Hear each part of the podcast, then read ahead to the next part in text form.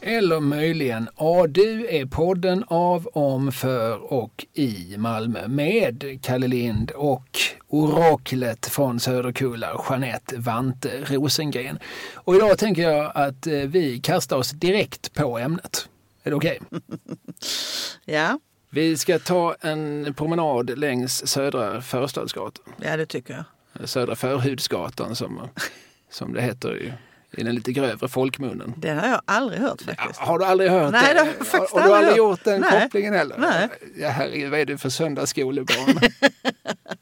Nej, men visst. Jag sitter här med mitt kristet utseende och eh, då- blir helt då- förbluffad. Du har hört att man kallar för Föreningsgatan för Föroreningsgatan? Nej, Nej men, nej. kom igen. Det är sant. Jag tillhör ju den äldre generationen, Kalle. Jag, ni, ni unga och putslustiga människor, ni har helt andra humoristiska Jag, omkväden. jag, jag vill tro att eh, det där, är- de där uttrycken är äldre än vad jag är. Jaha. Ja, Nåväl, Södra Förstadsgatan Mm. är en, eh, kan vi kalla den en aorta? ja, men det tycker jag. Det är verkligen en blodåder som, den är ju väldigt lång. Ja, var börjar den? För att, eh, är det inte så att gågatan, eh, som väl heter då Södergatan från, från Stortorget, Mm. Sen fortsätter den och sen så blir den på något vis söm... När blir den Södra Förstadsgatan? Alltså när, om vi står på Gustav Adolfs torg och tar oss söderut så går vi ju först eh, på Södra Tullgatan en liten bit där vi har Royal-biografen på vänster sida. Och sen går vi över Davidshallsbron där vi har alla skorna och sen är vi på Södra Förstadsgatan. Ja, den börjar redan där så att den första snutten är, den ganska stora snutten är gågata. Precis. Och då går vi förbi liksom, Victoriateatern och Ja, fast det är ju rätt eh, långt då har vi fram. kommit en men- bit. Ja. Ja, Men, ja, men, ja, ja. ja. Ja, Okej, vår promenad nu, för nu ska vi göra en sån här audiell promenad. Och återigen så rekommenderar vi såklart våra lyssnare att följa med oss nu. Så pausa nu, spring bort till David Hallsbron.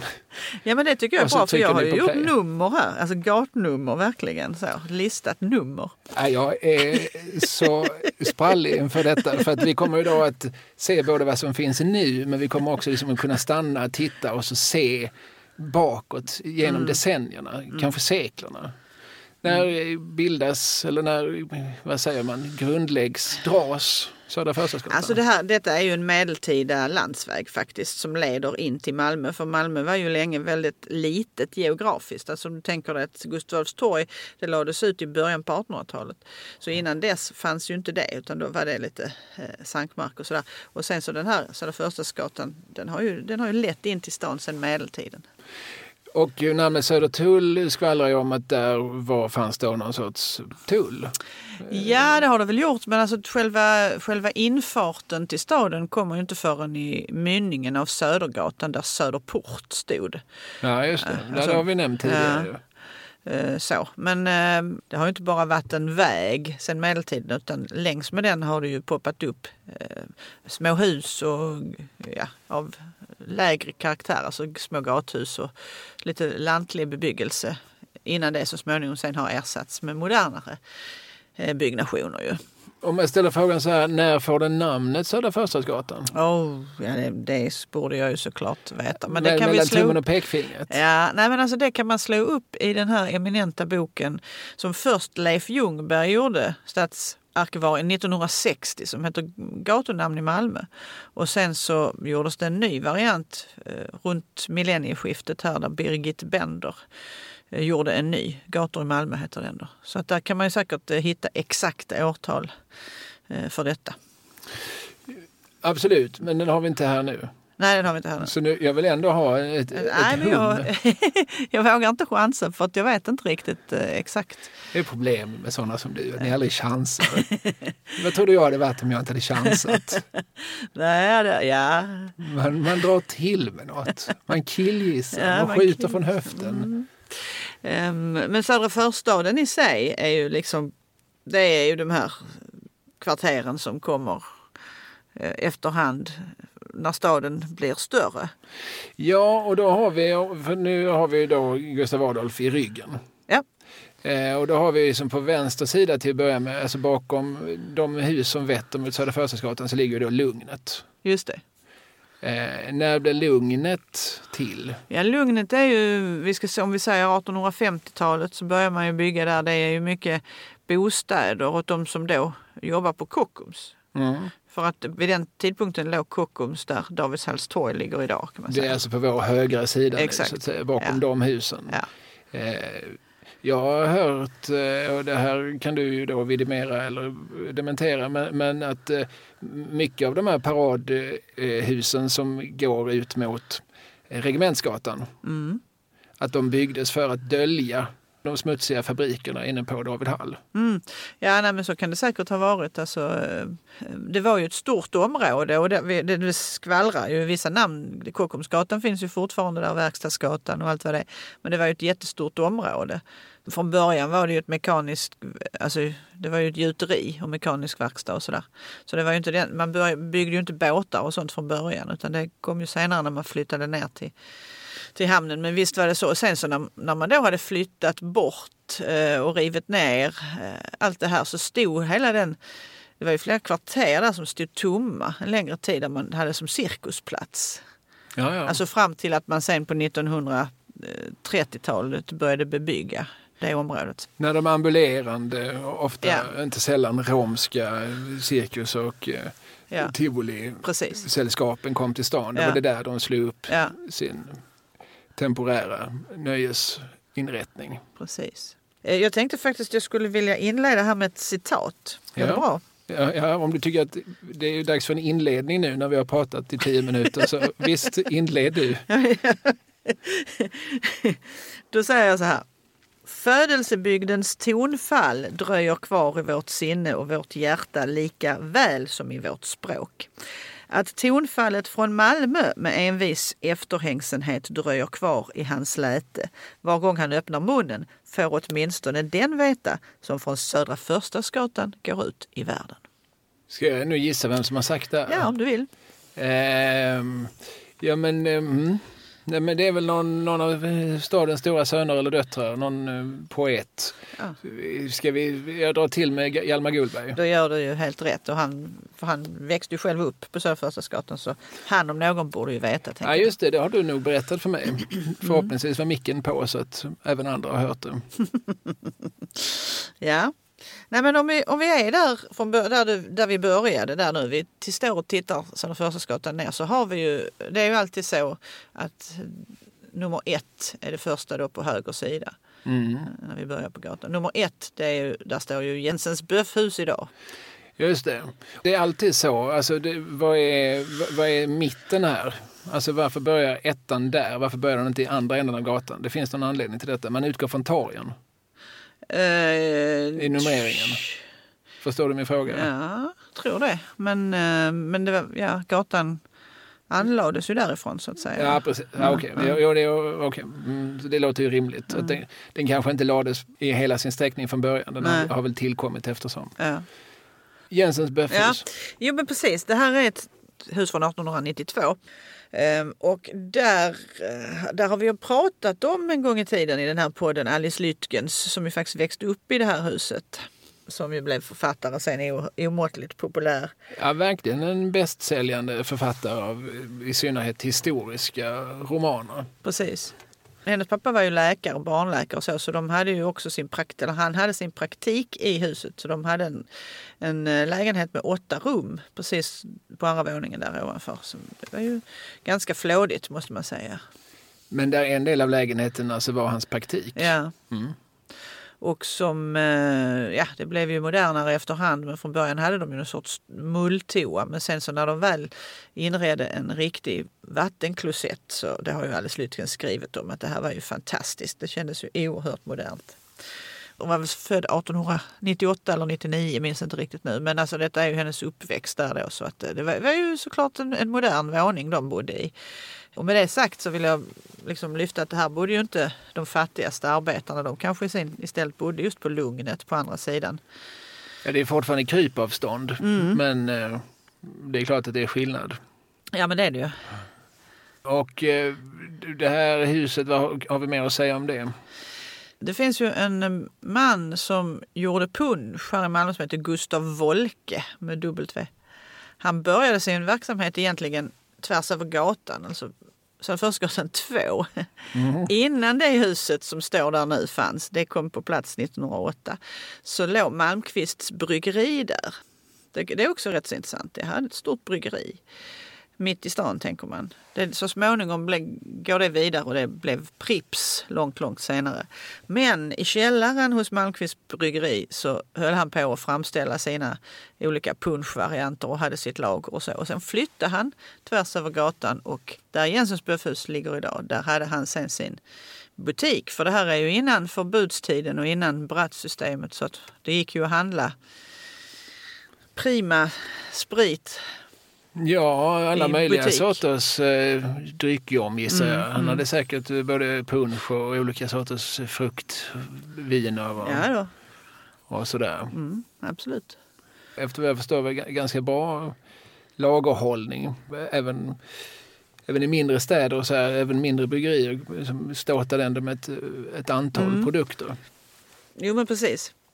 Så att eh, liksom, det har varit liksom lite vin och sprit på båda sidor där redan från början då. Eh, när, när man började bygga där. Och sen så, så försvinner det här Malmqvistska bryggeriet och så bygger man det här nya huset på vänster sida. Och eh, där har för övrigt, vi har ju pratat om en annan legendarisk Malmöpersonlighet, nämligen Erik Persson. Mm. Fotbollshövdingen i Malmö FF. Mm. I det här huset till vänster nu nummer två. Där hade ju Malmö FF i väldigt många år sitt kontor, sitt kansli på andra våningen. Dörren bredvid var Moderaterna faktiskt. Ja. Det var lite komiskt ändå eftersom Erik Persson var så väldigt socialdemokratisk. det säger kanske någonting om stadens storlek, jag vet inte. men då, liksom, dörr i dörr hade Moderaterna sitt kansli. Eh, I alla fall, nej, men han hade ju sitt stora rum där, Erik Persson, så det är där, där uppe han har suttit och tittat ut över kanalen och, och fattat beslut som då har påverkat eh, Malmö på många sätt, liksom fotbollens väl och ve. Det var ettan och tvåan. Ja. Vi ska inte gå liksom, jag ska inte berätta något om varje nummer tänkte jag. Nej, det får du gärna göra. Vi, vi, vi, vi, ser. Men nu fortsätter vi i alla fall söderut. Ja. Och vi har ju då liksom, såklart liksom, triangeln i, i fonden ja. nu när vi går. Ja. Men det ska vi ju säga, vi kan ju spoila det redan nu för er som inte kan geografin i huvudet. Södra Förstadsgatan fortsätter ju sen, ja, stickar ja, ja. ju triangeln och går ju hela vägen upp till... Till Dalaplan? Ja, ja det är hela vägen upp till mm, Dalaplan. Mm. Just det. Ja. Så att ja, vi har en bit kvar att gå. Ja men absolut. det, där är mycket att, att prata om. Om man sen tredje huset på vänster hand där så finns det ju Alltså verksamheten finns ju inte kvar där fortfarande men själva dirigenten står ju kvar på sin, alltså Anderssons musik, känner du till det?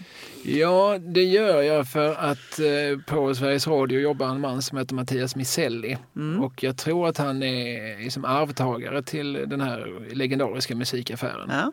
Han är väl något yngre än jag och jag tror att det var hans eh, mor var det nog som, då, som tvingades lägga ner familje ja. butiken som då har funnits i ett antal generationer. Just det. Det är inte så hemskt länge sedan den lades ner väl? Nej, och jag tror inte den är helt nedlagd väl för att så vitt jag förstår har de en verksamhet fast i utkanten av stan om, om kanske inte en... Ja, att de säljer noter fortfarande har jag för mig. Det kan säkert vara så att mm. de har begränsat sin verksamhet men att den framförallt inte ligger på display på samma sätt som, som den gjorde tidigare när den låg i, hjärtat av staden. Men det vi pratar alltså om en, en klassisk musikaffär som väl tillhandahöll, som du säger, noter men också instrument mm. och... Eh, och skivor. Alltså grammofonskivor, ja. ja.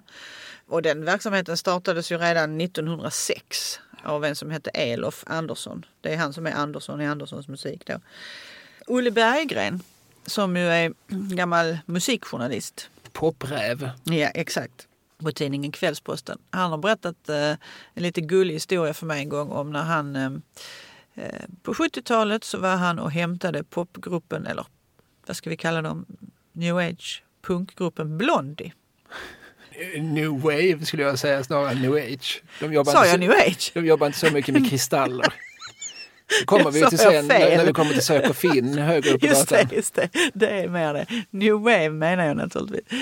Jo men eh, Blondie var ju här då och skulle spela och um, Ulla hade varit och hämtat dem i um, Drager. Mm. Färjan åkte de tillsammans, Drager, Limhamn.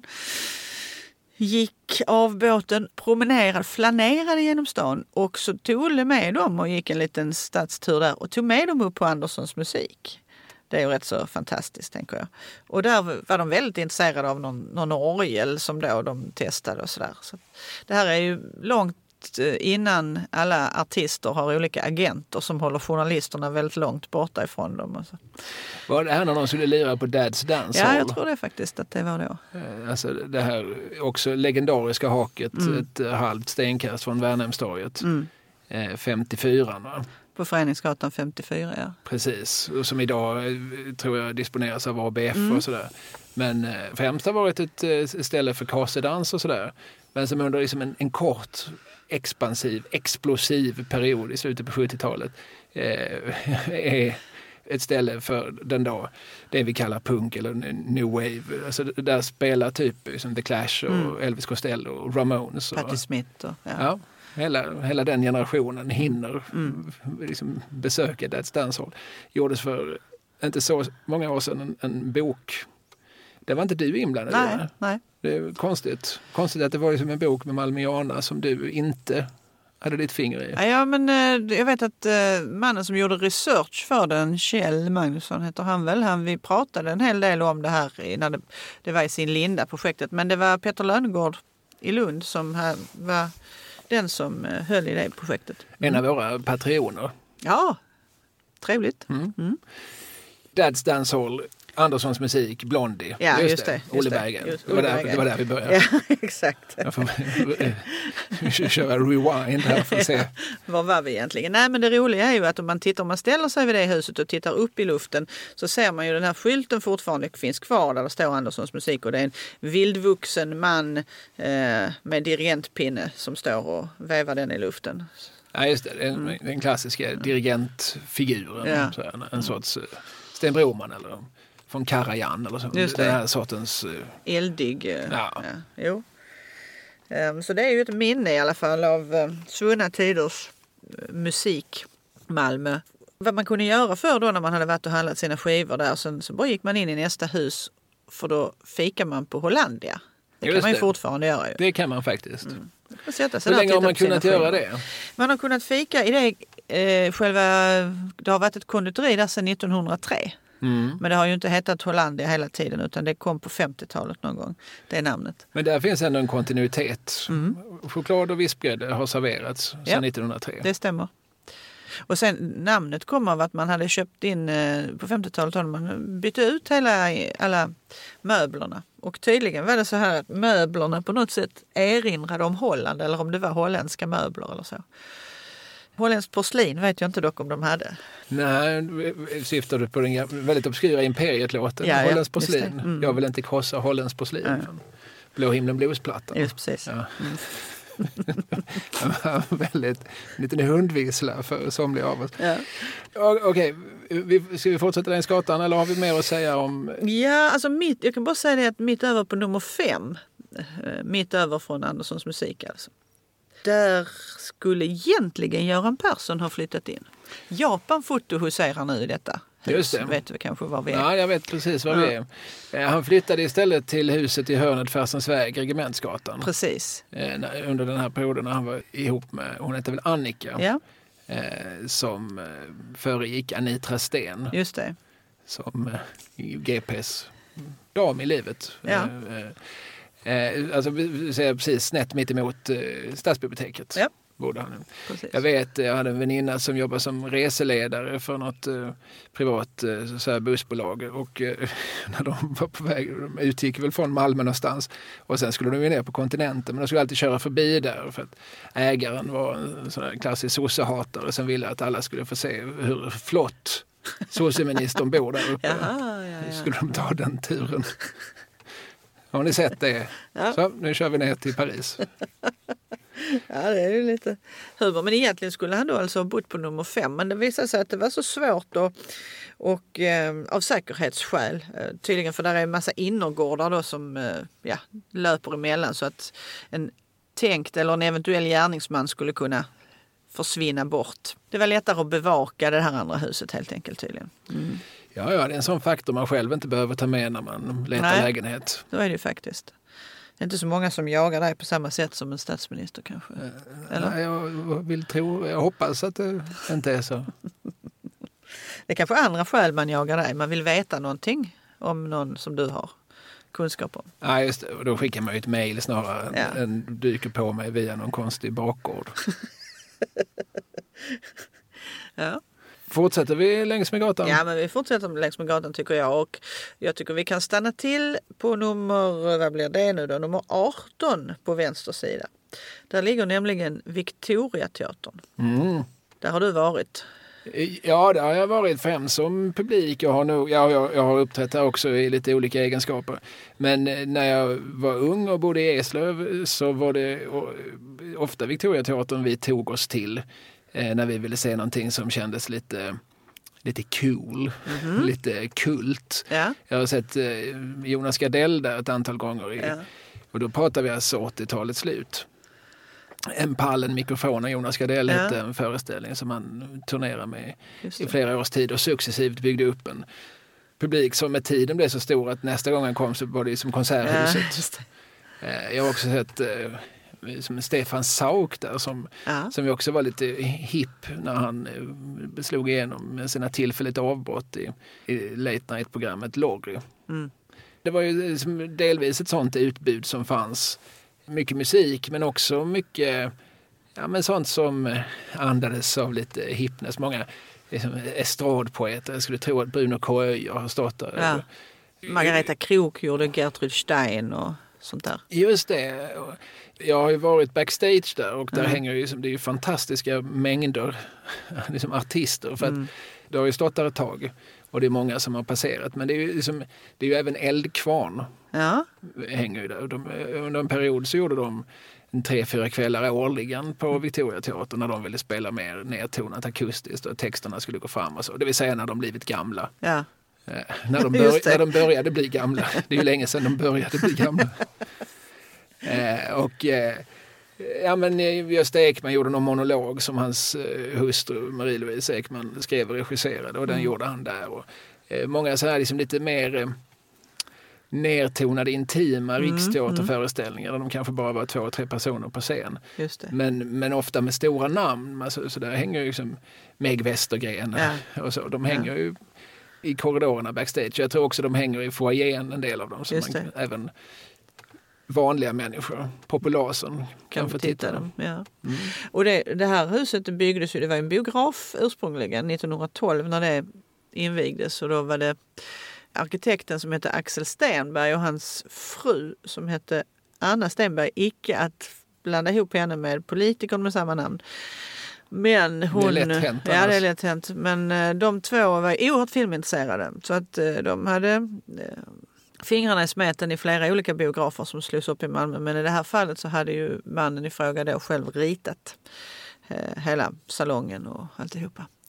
Så det har ju också visats väldigt många filmer genom årens lopp. Och på 70-talet så sker ju en strid. Ja. Det är ju liksom Malmös svar på Almarna i Kungsan Ja. eller så här. Alltså ockupationen av Victoriateatern. Precis. Då har man ju sett sådär Eva Remaeus och Ja. Mikael Segerström. Och, Ja, Fredrik Gerten och ja. ja, hur de bestämmer sig för att det här stället ska vi bevara. Ja. För att givetvis är det ju så att pamparna i stan tycker att eh, det här huset eh, det är gammalt, alltså ska det bort. ja vi ska ha något precis. annat, Och de- viktigare, modernare, fulare. Precis, Ja, och det, framförallt så var det ju så att de hade ju inga direkta scener att spela på. Man släppte inte till några lokaler till kulturutövarna. Nej, utan kommunen hade ju sin lokal, det vill säga Stadsteatern. Mm. Och det, det var väl liksom det av offentligheten sanktionerade kulturen. Det tyckte man från offentligheten att den räckte. Mm. Men det fanns inte alls den här viljan som faktiskt finns idag att möta gräsrotsinitiativ. Precis. Och den är väl rivningshotad, teatern. Alltså, Ja. Eller rättare sagt, den är inte bara hotad. De säger att vi ska riva den här Ja, teatern. ja. Mm. Och då eh, får eh, det här gänget som, som väl då brukar sitta ett kvarter därifrån på restaurang Bullen. Bullen, ja. Jag tror Kristina Claesson och Mikael Wiehe och de här också var inblandade säkert. Va? Det förutsätter vi. Va? Mm, mm, mm. Allt annat hade förvånat mig och Ja. gjort mig direkt besviken. Så då eh, ställer de ner sina sejdlar på bullen och så, så travar de upp och, och, och flyttar in då. Liksom Ja. Ser till att vara på plats. Så att Jag, jag vet inte om, om grävskoporna var rent fysiskt på väg eller om, om det bara hängde som ett... eh, Jag tror inte det har kommit så långt riktigt. Men det gav ju effekt verkligen. Man rev ju inte. Och, eh, sen att eh, många flyttade, men just du nämnde Eva Romeus och hon var ju med i musikteatergruppen Oktober. Och de flyttade ju till Stockholm och Skånska Teatern flyttade till Landskrona. Och, ja. Ja, återigen då för att eh, staden faktiskt inte bemötte deras krav. Nationalteatern börjar också här, Ja. har vi nog nämnt tidigare, men får ju inget som helst gehör från eh, Malmö stad. Däremot så får de det från Backa kommun vid Göteborg där de anställs faktiskt och får, de får ju som någon slags lön från kommunen för att åka runt i förorterna och eh, sjunga om hur dålig kommunen är. Eh, jävla lyxläge. ja, det får man faktiskt säga. Och musikteatergruppen Oktober flyttar ju faktiskt till Södertälje där, Ja, ja. där de fortfarande finns. Ja. De flesta ur- ursprungsgruppen finns ju inte kvar. En, en del finns ju inte ens kvar i livet. Eva Remaeus eh, dog mycket ung Ja. i 40-årsåldern på Ja. i någon aggressiv cancer. Men Henrik Holmberg och, och Anders Granström de som var med från början, de finns ju inte med längre. Men jag tror att Nina Olsson som också har varit med sedan absoluta starten, jag tror att hon fortfarande är Ja. konstnärlig ledare. Ja, ja, se där. Ja. Och de startar väl i Lund, men de har lite grann Malmö-Lund som, sin, som sin bas i början av 70-talet. Och gör ju bland annat den extremt framgångsrika pjäsen Sven Klangs kvintett. Ja, Som sen blev den extremt faktiskt framgångsrika filmen Sven Klangs kvintett. Som i talande stund finns på SVT Play. Ja. och rekommenderas varmt. ja. Både till er som sett den och inte, er som inte sett den. Ja, men precis. När du, Nina Olsson tror jag, hon, hon är väl med där och hon spelar väl någon kollega där till Eva Remaeus när hon jobbar på... eh, Som växeltelefonist. ja, precis. Ja, precis. Det var, de var väl fem eller sex stycken. De, de träffades i Lund. De läste drama, teater, film. Mm. Som då i slutet på 60-talet är som ett nytt ämne. Som, jag tror det är Ingvar Holm som, som initierar den här, den här utbildningen. Eller det här sorterar då under litteraturvetenskapen. Där går också Susanne Osten Mm. och flera av dem som sen bildar Nationalteatern med Reventberg och Mm. Peter Wahlqvist och så. Mm, mm. Så det, alltså där läser de ju teori så att säga. De läser teater och filmhistoria. Det här är ju unga teaterintresserade människor som sen börjar flockas på Lilla Teatern i Lund och som sen, det. sen expanderar Mm. och eh, kommer att ha ett, ett absolut inflytande på 70-talskulturen. Mm, verkligen. Och när vi nu ändå pratar om teater så tänkte jag att då kan man kanske snedda över gatan. Nu är vi ju fort, vi är ju på Söderförstadsgatan till nummer 23. Ja, det kan vi göra. Det låta nära. Till en eh, potatiskällaren i, i den fastigheten. För det var där Teater 23 bildades i slutet på 50-talet. någon gång. Just det. Mm. Det är ju spännande. Det är ju också ett, ett gäng som kommer att låta höras framgent. Mm. Jag tror att de tre som startar, är det Åke Arenhill, Jan Hemmel och Per Olin? Ja, ja, jag tror det. Att du har alldeles rätt i det. Ja. Åtminstone är de alla tre inblandade i det Mm. från, mer eller mindre från början. Just det. Och det är ju människor som sen, eh, Jan Hemmel hamnar ju väldigt tidigt på, på tv. Mm. Vi har ju pratat tidigare om, om den expansive eh, Malmö radiochefen Gunnar Åhlén Ja. som ser till att det också börjar göras tv här innan det faktiskt finns något beslut om det från Stockholms håll. Mm. Och där börjar Jan Hemmel liksom tidigt och blir ju sen liksom regissör, producent. Han gör liksom allt möjligt under sina många år på SVT Malmö. Regisserar Skånska mord Mm. som vi har pratat om tidigare. Vi har, och gör en massa dramaserier men gör också tidigt på 60-talet ihop med samma gäng, Arenhill och Per Olin, så gör de någon sorts animerade satirfilmer som heter typ Hur man gör reklam. Jaha. Och det är där Per Olin, som är- då är scenograf från början på Mm. Teater 23, det är där han börjar experimentera med animationer. Ja, ja. Vilket sen leder till att eh, Hasse och Tage får upp ögonen för honom. Och han, eh, dels så, så gör de ju ett antal samarbeten kring animationer. Filmen i huvudet på en gammal gubbe Ja. och eh, såklart Karl-Bertil Jonssons julafton. Mm. Mm. Mm. Men han formar ju också alla Tage Danielssons böcker. Precis. Hjälper till att ge svenska ordet visuellt uttryck. Ja, Och han fanns ju i Malmö på den tiden. Han satt väl nog på Södergatan hade sin studio. ja. ja. Mm. Som sedermera flyttade till Hököping. En film. Precis. Mm. Han köpte något nedlagt sockerbruk där. Men I huvudet på en gammal gubbe som kommer 68, den tecknade de på Södergatan Mm. i någon gammal tobaksaffär. Eh, De var väl fem personer som gjorde den här tecknade långfilmen. Eh, Jag tror Disney hade fler i sin stad. Några nollor till där ja. Ja. Eh, Men det blev ju en film. Alltså den animerade biten, de blandar ju animerat och spelfilm. Den animerade biten är väl ändå en timme eller så. Mm. Som, eh, och det var ju Per Olin har ju som tecknat det mesta. Sen har ju han haft hjälp med färgläggning och, Såklart. och sådär. Men Teater 23 som numera då finns på Jäknegatan. Ja, alldeles intill här där vi sitter ju. Ja, Mm. faktiskt. Eh, och Men som däremellan faktiskt låg ute på Kirseberg. Kirseberg, ja. Mm. I Allhemshuset Just va? det, så heter mm. Mm. Precis. Vi bara svepte förbi Bullen. Vi, vi, Ja. vi, vi tänkte vi fuskar med det för den ligger inte riktigt, den har inte adress Södra Förstadsgatan. Nej, det är ju Storgatan va? Men det, Men det kan man väl absolut nämna Bullen, detta vattenhål. Ja, jag tycker att ändå vi får göra det för att den här Storgatan leder ju sen ner till Lugnet.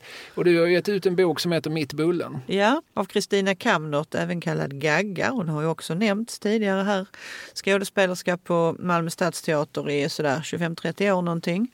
Och eh, hon, hon medverkar i otroligt många föreställningar men den största var nog egentligen den som, som fram till talande stund faktiskt har spelats flest gånger. Va? Nämligen, Den, den Malmö Stadsteater producerade föreställning Ja. som har spelats flest just gånger. precis, just precis. Eh, Shirley Valentine, Mm, som var en monolog hon Ja. gjorde och som ju då också hon kunde turnera med. precis. Och eh, hon skrev, hon tillhörde liksom ett gäng som gärna hängde på den här restaurangen som som ju då officiellt heter Två krögare. Mm. Jag tycker det är roligt när man ser på skyltfönstret, det står ju inom parentes under, står det ju Bullen. Just det. Så att alla de som har sagt kom till Bullen, det ligger där och så står folk och tittar, Va, men här står, det finns ju ingen Bullen. Så har de fått lägga till det. Att, och Bullen eh, kommer väl av att de från början då hette Bullseye. Just precis. Ja. Från allra första början tror jag den hette Wernerssons biljardsalong men nu är vi långt, långt tillbaka i tiden. Ja just det, men då kallas den väl inte Bullen. Nej, jag tror inte det. Nej, och där, där på 70-talet så hängde ju då de, de som gick på scenskolan Ja. och som ofta, ofta då bodde på det ännu icke rivna Lugnet. Just det. Där, där det fanns liksom billigt boende för, för unga, hungriga kulturarbetare och inte minst törstiga kulturarbetare. Så där, där hittar vi Per Eggers och Rolf Lassgård. Och, Ja. och, Och Gagga hon bodde med, med Wikholm där Just på det. Lugnet också tillsammans. Så, ja. Jacques Werup bodde där. Och, ja. och alla möttes de på Bullen. Ja. Och så, som också var en sån där krog som var väldigt välkomnande till, gentemot det här klientelet. Det fanns någon, de hade något eh, stipendium. Den som söp mest fick en gratis fylla. Det var, och det var alltid Per Egger som vann. Eh, Han var faktiskt, det var roligt för när vi hade releasen för boken Mitt Bullen så skedde det ju naturligtvis på Bullen och då var Per Eggers där och spelade gitarr och sjöng minsann. Hade han damasker? Jag minns inte detta. Jag har bara träffat Per. Eggers en gång i verkligheten. Det var på en, en, en större skiva i Stockholm. Han var verkligen klädd, han hade liksom basker och eh, jag har aldrig sett någon bära damasker i verkligheten. Det, det är ju någonting som Joakim von Anka och Krösus Sak har. Ja, ja. Men Per Eggers är den enda levande människa jag har sett i, i det här. Men han var inte utstyrd för en roll då? Eller han var privat? Nej, det var nog så Eggers klädde upp sig. Jaha. Nej, det hade man ju kommit ihåg tänker jag om han hade haft det då. Så det tror jag inte han hade. Nej. Nej. Men, eh, men det var väl också så att de, många av de som bodde just i de här fallfärdiga eller ja, ganska saneringsmogna Lugnet-fastigheterna de hade ju kanske inte telefon heller utan man lämnade Bullens telefonnummer som dit kunde folk ringa och lämna meddelanden. Liksom. Och det var allt från att om man hade kommit in på eh, olika utbildningar och scenskola och vad det nu än var till om det var släktingar som skulle ringa och lämna meddelanden. Så det var en sorts telefoncentral där efter. Ja, men det verkar överhuvudtaget ha varit verkligen, alltså, så här, som man säger, ett andra vardagsrum. Ja, eh, för liksom en en generation av kulturarbetare. De var ju inte fler än att de rymdes på Bullen. Nej men precis och sen var det väl också så att det, det är klart att det fanns en och annan, annan gäst också. Och de kunde ju då plötsligt få eh, höra när någon eh, skådis på Stadsteatern efter några glas där liksom stämde upp i habaneran ur karmen eller vad det nu kan ha varit för någonting. Så det fanns väl en lite guldkantad eh, tillvaro också för vanliga gäster att gå dit och titta på Jan Malmsjö när han satt och tog sig en toddy eller vad det nu var. Så. Och när det här gänget om, om Bullen eh, på något vis eh, kändes trångt, det kanske var fullt, så gick de till nå- någon ungrare på David Hallsgatan. Ja, men till. Zoltan, ja. För Hungaria, precis. Där fanns ju en. Det var ju den. För det har jag Ja. också hört många historier om. Det har nog Mikael Wiehe berättat för mig någon gång. Han hade ju något konstnärsvin. Ja, Zlatan. precis. Han tömde alla vinglas på kvällen så fick man köpa det för en mycket billig peng. Men då var det emot att det eventuellt låg fimpar i. Ja, precis. Och eh, han hade väl bara en rätt på menyn. Liksom, gulasch. Ja, precis. Ja, det finns också mycket historier om att han går ut i köket och ropar en gulasch. Ja. Och så, så förstår de efter flera år så att det är ju ingen i köket. Det är han själv som... Han gjorde allt själv. Ja. Zoltan von Kataj. Ja. Ja, det finns många legender kring, kring honom. Men då, då är vi ju liksom, nu är vi inte längre på Södra Förstadsgatan. Nej, det var en avstickare. Ja.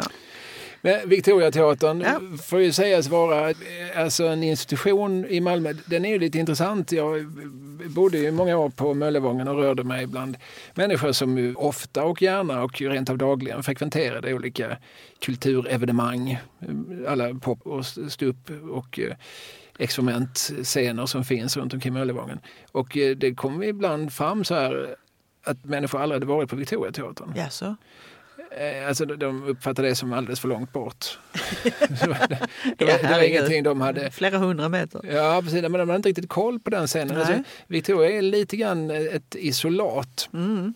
De har ju sedan länge då byggt upp ett eget nätverk. Mm. Jag tror fortfarande att de skickar ut sina eh, fotostatkopierade små foldrar Jaha. över höstens eller vårens program. Ja. Och som de skickar ut till Victorias vänner. ja, ja, ja. Och, och det finns ju det är ju nästan alltid fullt när man går på Victoria. Verkligen. Eh, Även alltså Lasse Tenander drar ju fulla hus. Han, Ja. kan, han kan ju göra tre fulla hus på Victoria. Ja. Jag håller igen. Det tror jag bara är på Victoria Lasse Tenander kan göra det. Ja, ja. Mm, mm. Men det, där finns ju som en väldigt trogen stampublik. Och mycket internationellt eh, roligt som man kan prova som man kanske aldrig hade. Jag vet att jag fick någon gång när jag fyllde år fick jag något presentkort där. Va? Och så du vet hur det är med presentkort så hoppsan nu måste jag lösa in det här annars går det ut. Va?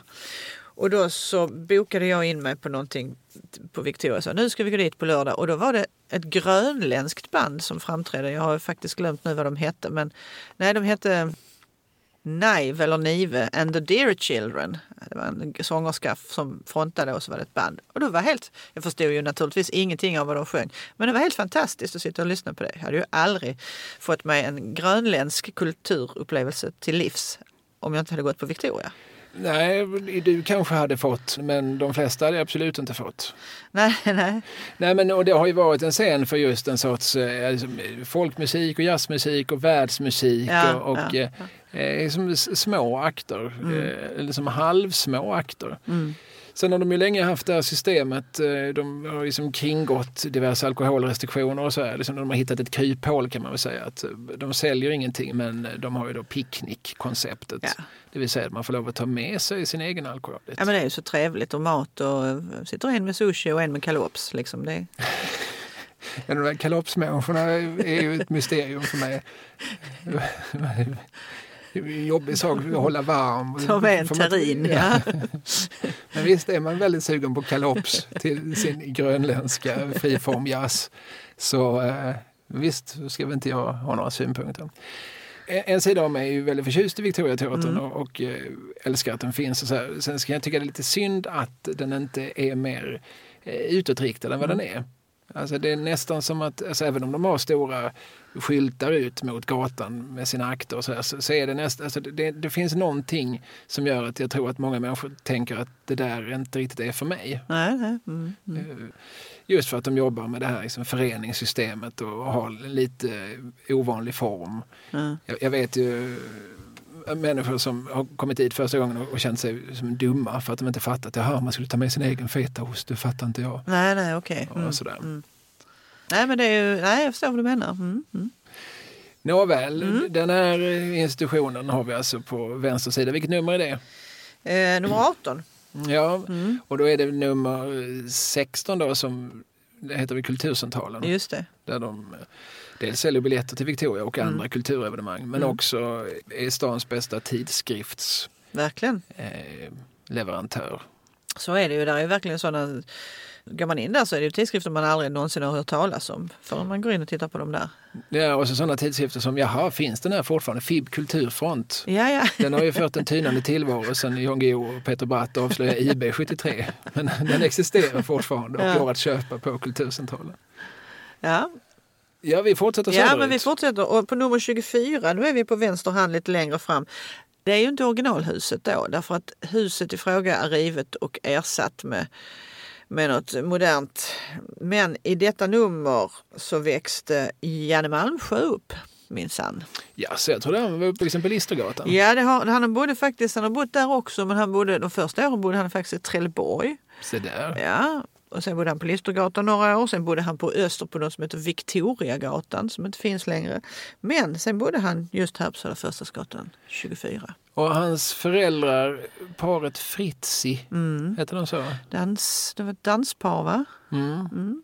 Hans pappa hette ju Fritz, så det kom gissningsvis därifrån. Jag minns nu inte vad hans mamma hette, men de, de var ju artister och turnerade och, och spelade på Folkets hus teater och på andra ställen. Så han är som barn, sång och dansman. Ja, Och han växte upp där, alltså, alltså då, då är han eh, i skolåldern. ja absolut. Eh, Listergatan bodde han, eh, då var han ju någon sån här sex, sju år någonting och sen så kommer han hit här efter detta. Ja. Mm. Jag vet det här delvis för att eh, för 20 år sedan någonting så gjordes det en dokumentär om Jan Malmsjö där han bland annat springer runt på Listergatan Mm. och eh, jag tror han börjar gråta. Han han har ju nära till alla former av känslor. Ja. Han är ju en, den sortens människa. Eh, Men det är ju lite fint om nu Glada änkan kommer att ha premiär i höst på Nöjesteatern. Ja, Och nu är alltså, jag tror Malmsjö är född 34. kan säkert stämma. Han är Så att han är- åren kommen, ja. Det får man väl ge honom, han står icke längre i sitt flor. eh, men eh, då, så att, kanske blir det hans sista föreställning. Mm. Då sluts en sorts cirkel för då är han ju faktiskt bara, alltså, då är han ju ett halvt kvarter från Ja. där, där allting började på något sätt. Visst är det så. Mm. Och där kommer han då att spela en biroll i Julius. Malmströms eh, produktion, Mm. Glada änkan, som Mm. Mm. skulle ha premiär i höstas men som av kända skäl har fått skjutas på framtiden. Mm. Malmsjö växte upp på Mm. Södra Förstadsgatan, vad sa du, 20? Fyra, I ett hus som inte längre finns. precis. Och om vi sen går fortsätter söderut så har vi ju, då kommer vi strax fram till Triangeln. Precis, vi har liksom nu passerat, vi, vi lämnar alltså La Couronne och så. Just det, centralpalatset där finns ju också där La Couronne ligger. Ja. Ja, man går in, det är som, det är som en liten ficka Mm. Eh, och där låg ju La Couronne som väl, jag vet att jag har svävat på målet här tidigare, men det, det var väl ändå den lilla poptrion från Lomma, Eggstone, som var med och startade den här någon gång på 90-talet. De kommer till Malmö och eh, startade det, det som heter Tamburin Studios, Mm. där ju sen Cardigan spelade in uppe på... eh, Sofielundsvägen, Tack. Eh, 57. Just det. och, nej, men, som ju var otroligt het under några år på 90-talet. Det flög ju hit japaner Ja. var, alltså, vallfärdade till den här studion och låg och sov i sofforna. Just det. Eh, och La Couronne eh, var ju då liksom det, det ställe dit de band som kom för att spela in dit, liksom Eggstone, tog dem sen. Nu, nu har vi spelat in, nu går vi till, till vår krog. Mm. Eh, Och eh, under några år i mitt- 90-talets mitt skulle jag säga så är den väldigt het. Den generationens Bullen kan man Ja, säga. jo, jo. För där hängde inte bara, ja, dels hängde ju då de här liksom popmänniskorna, indiepopparna. Sen hängde väl också ensembleteatern som ju var en jättefräck, jättecool, Mm. jättehipp, en liten teaterensemble som låg där Teater 23 ligger idag, Ja, ja, ja. Mm, här mm, på mm, mm, mm. Jäknegatan. Precis som, som Claire Wickholm och Rolf Lassgård och så, det var ju som scenskoleelever som sen liksom kanske bodde kvar några år till innan de liksom flög ut i, i världen och så. Och på samma sätt så ensembleteatern var också gamla scenskoleelever som, som efter skolan tänker nu ska vi bilda en egen ensemble Mm. och eh, vi ska göra teater på vårt sätt och så. Och där fanns en, en väldigt eh, färgstark eh, man som hette, vad hette han? Lars Arhed som, som var konstnärlig ledare. Mm, mm. Och en man som heter Claes Abrahamsson skrev väldigt mycket av dramatiken. Han är fortfarande väldigt aktiv som dramatiker. Han skrev Ingvar som var en Ja. jättesuccé på Malmö stadsteater. ja. Och uppföljaren Min vän fascisten. Mm. Eh, Magnus Ture Nilsson som sen har varit väldigt inblandad i att bygga upp det som heter MEC. Just det. Alltså, Media Evolution. Center, Center. som ligger vägg i vägg med SVT. Alltså, nu är vi i Västra hamnen, Ja. eh, precis efter Klaffbron. Mm. Och Sven Ahlström som bland annat spelar ett av spökena i SVTs eh, mest populära julkalender någonsin. Greveholm, Ja, precis. mysteriet på Greveholm. Ja. Han var också med i den ensembleteatern. Och de, de gjorde ju då teater för, för unga människor på något sätt.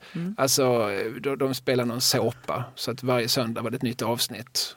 Så, och på det här sättet så lockade de en annan sorts publik, en stadsteaterpubliken. Det, det kändes på något vis, det var liksom lite hippare, lite coolare att gå på deras föreställningar. De gjorde liksom kortversioner av Hamlet och så. Alltså, för, för liksom anpassad för en ny, lite eh, modernare, medvetnare, men dock publik. Mm.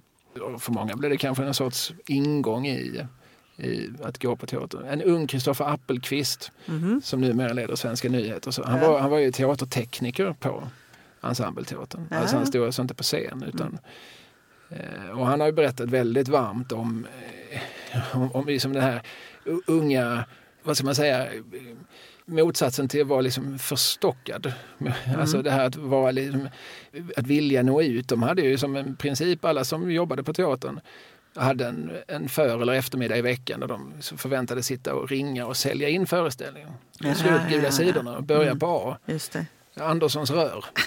Hallå, jag ringer från Ensembleteatern. Hur många anställda är ni? Ja, vi är tre personer. Ska inte ni tre köpa varsin biljett? Ska inte du som VD bjuda dina anställda på en teaterföreställning på söndag? Och de fick kanske napp var 50 gång. Mm. Men på det här viset så, så spred de liksom, kulturen till Do it folket. yourself. Ja. Mm. Ja, väldigt så. Väldigt punkigt var det ju. Och eh, Ensembleteatern tror jag tillhörde de fasta inventarierna på La Couronne. La Couronne. Och där låg ju också spegeln tidigare. Ja, eh, jämte. Alltså, Precis. för La Couronne är ju en gammal, alltså jag menar, La Couronne hette ju La Couronne när den krog, redan på 50-talet någon gång och det fanns ju också nere i källaren i det här. De, det finns ju ett, ett rum där också där, som man kan hyra och ha fester i som heter La Caveau Colibri eller någonting sånt där som var ett konstgalleri under C.O. Hulténs ledning en gång i tiden. Ja, ja. Minsann. Och sen har det ju på 70-talet så var det ju en, en Kina-krog där som i folkmun kallades helt enkelt då Kinesen. Som också var ett av de här hålen när, när Bullen stängde och Zoltan kanske hade stängt. Och då gick scenskolan till Kinesen och drack öl där. Ja, och nu, nu heter det Bi. Va? Nej, nu heter det faktiskt, eh, nu är det tillbaks igen. Det heter La så. igen. Och det är ju eh, dottern till, alltså Linda Lemaire som driver det nu, som är dotter till Alain Lemaire, salig i åminnelse, som ju var en krögare som drev en del franska restauranger i stan. Eh, några av dem tillsammans med Staffan Asker, som också är en legendarisk krögare. Ja. Det, det, vissa yrken där är man liksom automatiskt legendarisk. Ja, ja, precis. Men de, det var också, Sportjournalister är de alltid legendariska. Men de här, eh, de, och de hade ju så mycket framträdande och eh, deltog själv i olika eh, sketcher och spel som arrangerades på restaurangerna.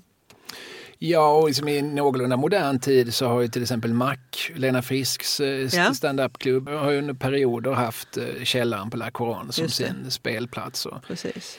Jag har sett eh, Ankan Johansson och Jesper Röndahl göra föreställningar där tillsammans med duon Magnus och Fritte. Alltså, så, och då pratar vi alltså 00-tal. Ja. Men, och vägg i vägg, eller, Ja. vägg, eller det blir inte riktigt vägg i vägg för där går ju en gång emellan. Ja. Men så låg alltså tidigare biografen Spegeln som numera ligger på Stortorget. Fast i- det var den porr... Ja, innan det var, ja, men, ja, om, vi tar, om vi bläddrar lite långsamt bakåt i tiden. Så Spegeln som ju då är en biograf för lite smalare, lite svårare film och där håller Cinemateket till och så med sina specialvisningar och sådär. De hade sin verksamhet i den lokalen. Men innan de flyttade in där så var väl då Spegeln en biograf för, för erotiskt intresserad film. vad, säger man? Vuxenfilm. Ja, alltså jag vet bara att det var så när man var liten så fick man stränga förhållningsorder om att man skulle liksom inte stanna där eller man skulle gå fort förbi för att det fanns eh, fula gubbar i anslutning till den eh, lokalen. Mm. Många män med trenchcoat Ja.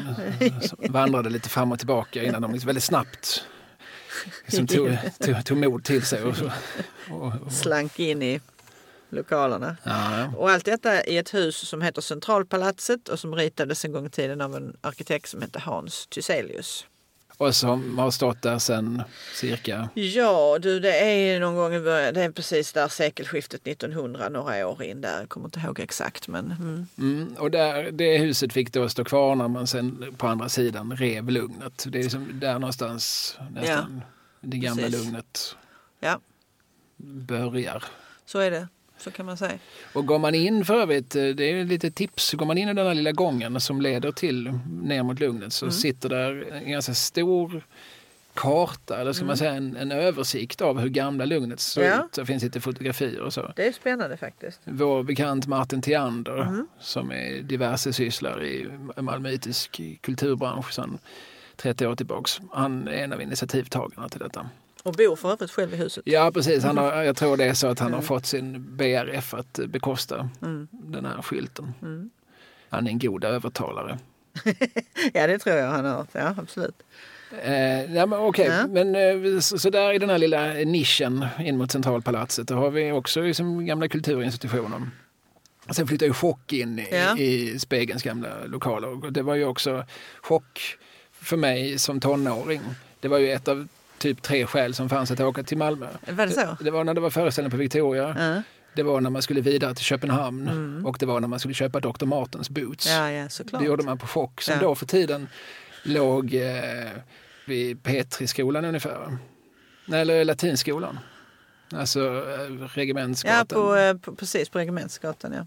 Eh, Eller på Färsens väg kanske till och med. Eller Regementsgatan. Ja, det, Ja, ja. det var nästan, Okej. eh, nästan framme vid latinskolan. Ja, ja. Där låg det. Alltså, Just det. Ja, jag minns att det var första gången man skulle hitta dit så tog det många Just kringelikokar. det, det. var liksom inget självklart ställe att ha en butik på. Nej, Chock eh, flyttade sen och låg till bara häromåret precis. i Spegelns gamla lokal. Ja. Och där fanns alltså då punkkläder. Mm. Eh, Sådana coola grejer. Med lack och stålhätta och Ja, skottskrutiga mönster och så. just det. Nu går vi vidare förbi Thomas Tobak på vänster sida. Thomas Tobak har vi här och sen så kommer ju eh, det huset som sen kommer till vänster, det som liksom svänger sig sådär mjukt runt sen gamla, det är ett gammalt bankhus egentligen då va, från början. Mhm. Om du tänker dig, du vet ju vilket jag menar. Där har legat Ullareds bokhandeln i ett antal år. Ja just det, men vi är, vi är på Vi vänster sida. hörnet liksom. på ja. Det huset och det som sen kommer till höger, alltså Idof centrum, Mm. ritad av samma arkitekt Carl Axel Stoltz som med tiden blev stadsarkitekt. Det var också hans pappa August Stoltz som också har ritat flera hus i den här eh, surroundingen. Så att far och son Stoltz är väldigt rikt representerade eh, just i de här kvarteren. Men de här husen, på, både på vänster och höger sida nu, det är ju 30-talsbyggen. Idof centrum kom på plats 38. Och på andra våningen där, där fanns ju en dansrestaurang som hette Forum. Jag tror att vi har pratat om den. Ja, vi har nämnt bland annat eh, Rock-Rolf och hans satelliter. Mm. Just det. Mm. Som gjorde en inspelning där på 50-talet. Just det. Första rockplattan i Sverige säger vissa, eh, men andra säger att det var det inte. Nej, men första rockplattan i Malmö tror jag de flesta är överens om. 57 är den inspelad faktiskt. Så att, eh, mm. Ehm, ja, och det är ju lite kul det här med Idof centrum. Idof. Ja, säger du Idof så tänker jag ju på det gamla dansbandet Bert Idofs. Ja, det är klart du gör. Det är min enda relation till namnet Idof. Vem Men, var eh, Idof? Idof var, eh, um, han hette Karl Idof, men han hette faktiskt så här. Karl Idof Idof. Jag tycker det är rätt roligt. ja, det är ett ovanligt namn får man säga. Sten Stensson Sten. Ja, lite så. Butros Butros Galli och Karl Idof Idof. kommer från Helsingborg och är skohandlare och så köper han det huset som låg där på samma plats innan hyste något som heter Sjöboms skomagasin. Och han köper det här och startar Idof skor och sen så river man det här gamla och bygger det nya och då blir det Idof centrum. Mm. Så där hade vi mycket skoförsäljning i Malmö när det begav sig. Vi, vi glömde att på höger sida innan vi är framme vid centrum så har vi också Holmgången. Ja, det har vi ju. Som är en ganska söt liten passage Mm. me- mellan Södra Förstadsgatan och David Hallsgatan. Just det. Eh, Där det finns eh, lite små verksamheter. Det finns en dagcenterverksamhet som säljer mm, tröjor som de trycker och, och sådär. Och, eh, Mm. Ja, min terapeut sitter där. Eh, och, och där finns någon liten tatuerare. Och så, Ja. men det, den är ganska söt. Mm. eh, Lite småskalig med Malmömått mätt och, och ändå lite central. Jag tror det är sådär, en sån som vissa upptäcker. Man ser den inte omedelbart. Man fattar liksom, Alla begriper inte att man kan gå in där och, eh, och att där finns eh, Sommartid är det ju väldigt pyttinuttigt. Nej men precis och sen vissa, av förklarliga skäl inte nu julas men ett par jular har man ju haft, eh, vad kallas det nu då? Vad heter det? Julmarknad. Eh, ja fast det heter ju som det heter i Harry Potter, vad heter den där Alley? Mm. Ja, ja Ollivanders, det heter... Eh, man har alltså haft en... Dragonalén heter ja, det på svenska. Ja just det, så. Eh, så att Dragongränd heter det såklart. Ja, ja i sin svenska eh, översättning. Men där har man då har um, cosplay-entusiaster fullkomligt vallfärdat dit för att klä ut sig till olika karaktärer i bland annat just Harry Potter. Och um, ja, så har det sålts saker som har med julen att göra också naturligtvis. Men det har varit ganska intressant. Och folk, det har ju varit så mycket folk som har kommit dit och tittat så de har fått släppa, de har slotts liksom, man har fått släppa in folk på olika tidpunkter. Det, det puttrar, det händer saker i Ja, det gör det mm. Inte minst i holmgången då. Nu är vi framme vid Triangeltorget, känt bland annat från eh, Fredrik Ekelunds bok Torget. Just det. Fredrik Ekelund som är namn som poppar upp i den här podden med jämna mellanrum, numera Marisol. Eller kanske, han kanske är båda för mm. men, men, han eh, har haft eh, sin skrivarlya med utsikt över Triangeltorget. och eh, en av hans böcker är det är ju en smal skrift såklart, mm. men, men det är små impressioner. Alltså man ser framför sig att han har suttit och tittat ut över Triangeltorget och fantiserat de människorna han sett. Och sen har han skrivit en halvsida där han någonstans har trängt sig in i, i själen på de människorna och gissat sig till ungefär var de kommer ifrån och var, var de är på väg och vad de tänker på. Precis. Och, och så. Den är eh, läsvärd mm. skulle jag säga. Absolut. Korta stycken som noveller är det ju va? Ja, jag skulle nästan kalla det någon slags prosadikter. Ja, ja. Alltså, mm, de är mm. så korta att uh, det, det, är ju just, den är väldigt impressionistisk. Mm. Det är som små ögonblick som är fångade. Alltså, jag tror liksom Ekelund att uh, liksom frågar sig själv, vad tänker den personen där nu? Mm. Alltså i detta nu. Ja, just det. Han tänker förmodligen på att han kuggar i Lund. Att uh, det inte blev någonting med hans akademiska karriär ja. och att han vantrivs med sin fru. Så har han knackat ner det. ja, ja. Eh, så Triangeltorget, ja. Eh, har du något att säga om, den eh, statyn som står där? Nej, måste nej. jag säga något om den? Nej, nej jag, jag är inte jag så hemskt lite. begeistrad faktiskt. Det, är... nej, det måste man inte vara för att ändå någonstans ha snappat upp något om den. Uh, nej, men um, det finns en liten uh, rolig betraktelse om jag får lov att ta med det faktiskt. Får jag göra det? Kan... Ja, Vante, det får du. För det. Du får mitt nådiga tillstånd. Det fanns en gång, eller det finns fortfarande en kille som heter Niklas Kindvall. Känner du till honom? Ja, han är väldigt släkt med Kai Kindvall som hade Trackslistan. Det är fullt möjligt att han är det. Men han, jag tänkte du, du som är kanarieful och fotbollsentusiast. Han är ju son till Ove Kindvall. Ja, som, är bror till nämnde Kai Kindvall. Se där, se där, se där. Niklas spelade ju då i Malmö FF mm. under några år på 90-talet? Jag känner faktiskt till Niklas Kindvall för att jag lärde mig i Lund när man hängde med fotbollsentusiaster. Som vi, jag delar inte fotbollsintresse men vi delar liksom ett kulturintresse och de skulle alltid liksom sälja in Niklas Kindvall till mig som en, han, han är en speciell fotbollsspelare. Mm. För att han, det, det hette åtminstone att han i sitt kontrakt eh, hade en klausul att han fick varje dag, varje dag mm. påstods det, gå till musik och konst. Lennart Perssons skivaffär på mm. Spånggatan och hämta valfri CD. Oj, varje dag? Eh, så här sades det mig. Jag har aldrig, jag har aldrig på något vis... Hoppas han hade lön också. Ja, precis. Man kan ju inte leva på musik alena. Nej. Och han är ju också, så vitt jag vet, journalistutbildad. Va? Så att han har ju en, en grund att stå på som inte bara är offside och inkast. Han är kanske lite atypisk. Alltså det här var ju, särskilt, det här var ju sent 90-tal. Då sa ju åtminstone myten sa ju att alla alla fotbollsspelares musikintresse begränsade sig till Dire Straits, punkt. ja, jag trodde du skulle säga Bruce Springsteen också, men nej. Ja, ja. Ja, ja. Det, här är bara, det var sånt som sades. Ja, jag, jag, bara nickade och uh, försökte byta ämne. Det var innan, innan jag förstod att fotbollen uh, har, har massor med saker att säga även mig. jag kom ju sent till insikt, det har, har, vi, har vi pratat om i tidigare podd. Men nu är du fast. Ja. Niklas bodde i alla fall hur som helst i, i det huset som ju inte ligger på Södra Förstadsgatan men som ligger vid Triangeltorget kan man säga. Där en gång i tiden Månsson Sport huserade. Vet du var jag är någonstans? Nej. Eh, om du tänker dig mynningen av Rådmansgatan. Ja, Kinlong. Ja, precis. Det huset där liksom runt hörnet. Så. Eh, jag undrar om det inte är MKB som har i de lokalerna idag. På hörnet där. Men i alla fall. Det, Det har åtminstone varit det. Ja, det huset är ritat av pappa Stoltz, August Stoltz. Där bodde Niklas och han skrev så här. Vaknar en kall natt av ljud. Det händer ibland när någon skriker ut sin glädje över Stippes öppettider. Oftast fredagar och lördagar. Eller andra dagar, inte nu. Och alldeles tomt på torget där Södra Förstadsgatan blir gågata ner mot stan.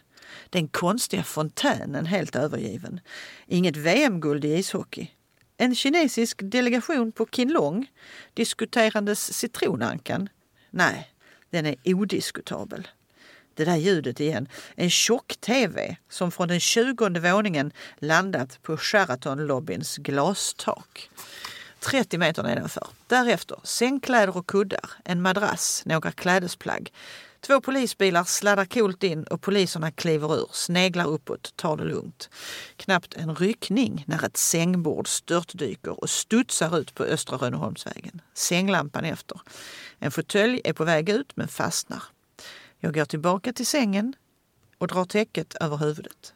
Säkert Wilmer X, tänker jag innan jag somnar. Ja, det var, också en impressionistisk betraktelse. Men det här är något slags ögonblick. Han har tittat ut och så har det, har det hänt saker Ja. utanför. Det var precis. Det var en, en, eh, ja, en upplevd berättelse liksom ifrån eh, hans liv på denna adress. Mm. Ja, precis. Och, och vi har ju nu alltså Sheraton, Hilton. Eh, Men innan vi kommer dit kan jag bara Ja. få säga så här. Ja. I det här Skånska bankens hus, det här som är välvda, runda. Jag glömde säga att där låg en gång på, på 40 och 50-talet något som hette Sturekläder. En klädaffär för herrar. Och där jobbade världens snabbaste man under ett antal år som försäljare.